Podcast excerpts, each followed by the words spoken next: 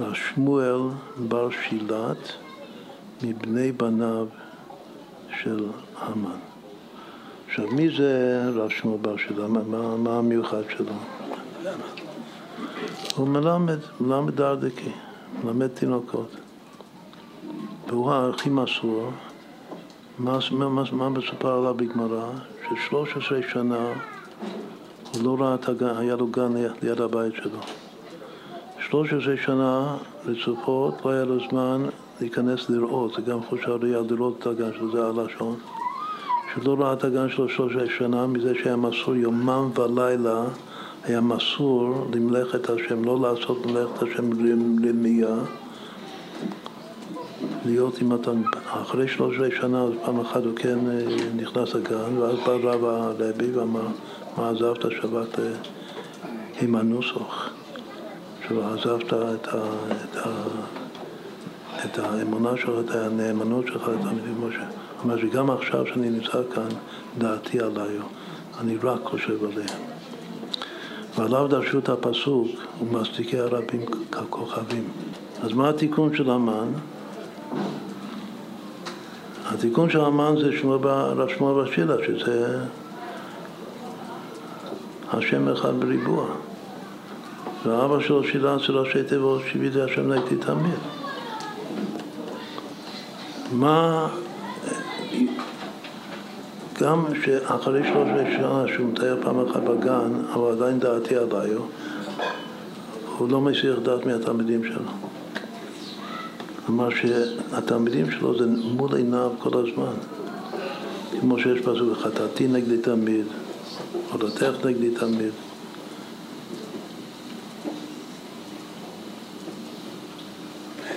שיוויתי השם נגדי תמיד. התלמידים זה מול העיניים של כל העם מעת לעת. ומה המלמד הזה צריך בעיקר להחדיר בתלמיד, מה, מה עיקר הלימוד של, דרדקי? זו התודעה של שיוויתי השם נגדי תמיד, זו שאלה. רוצים להבין את כל סוד הגלגול כאן, של המן הגגי. זה מתחיל מקין, כתוב, ואחר כך זה, זה עובר דרך אה, שמגר בן ענת, ואחר כך זה מתקשר לסיסרא דווקא, ואחר כך זה מגיע להמן, ואחר כך זה מגיע שמואל שילת. כתוב ביחד הפלישתים, כתוב, שש מאות איש. מה שווה שש מאות איש? שש מאות איש.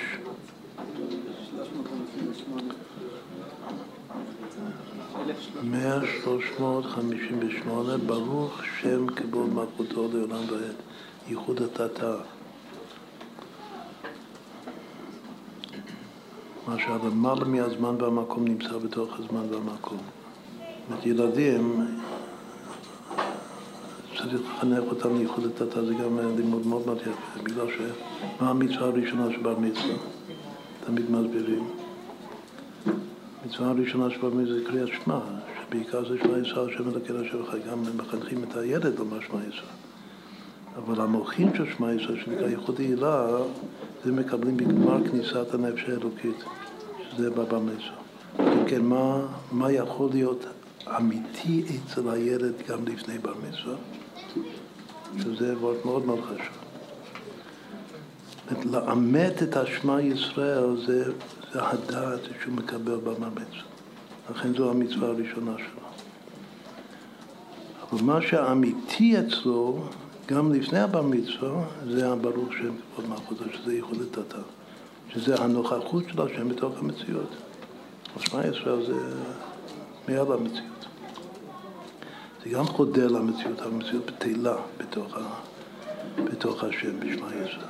אבל זה שהשם נמצא, השם משגיח, זה בהחלט, גם ילד קטן יכול לקלוט את זה ולהבין את זה, להזדהות ולהתעצם עם זה באמת, וזה התפקיד של המלמד. אז זה יסביר את ה... מה שחז"ל אומרים, שהשבטים באו ליעקב אבינו ואמרו לו, שמע ישראל סבא, השם אלוקינו השם אחד. וכשם שהם בלבך אלה אחד, כך הם בלבנו אלה אחד. כלומר שאנחנו בדרגה של ייחוד העירה, כמו שאתה.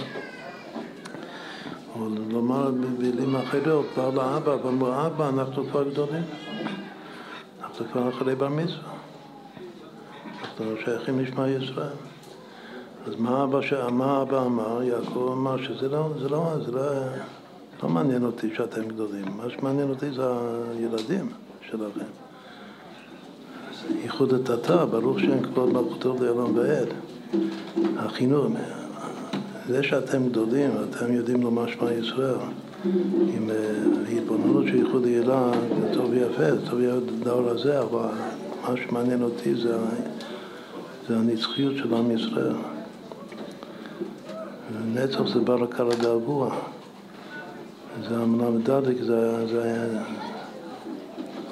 זה שיביתי השם וזה ברוך שם כבוד מלכותו לעולם ולכן הוא אמר להם זה, ועל זה חז"ל אמרו שבנינו ערבים לנו מתן תורה.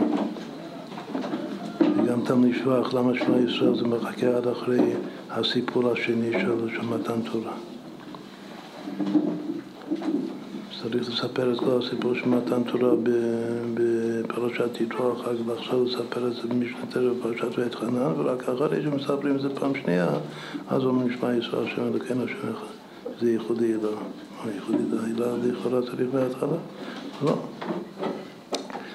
מתן תורה זה לא בשביל הגדולים. מתן תורה זה בשביל הקטנים. חינוך קטן. אלא שהם רק שייכים לראות השגחה פרטית בעולם.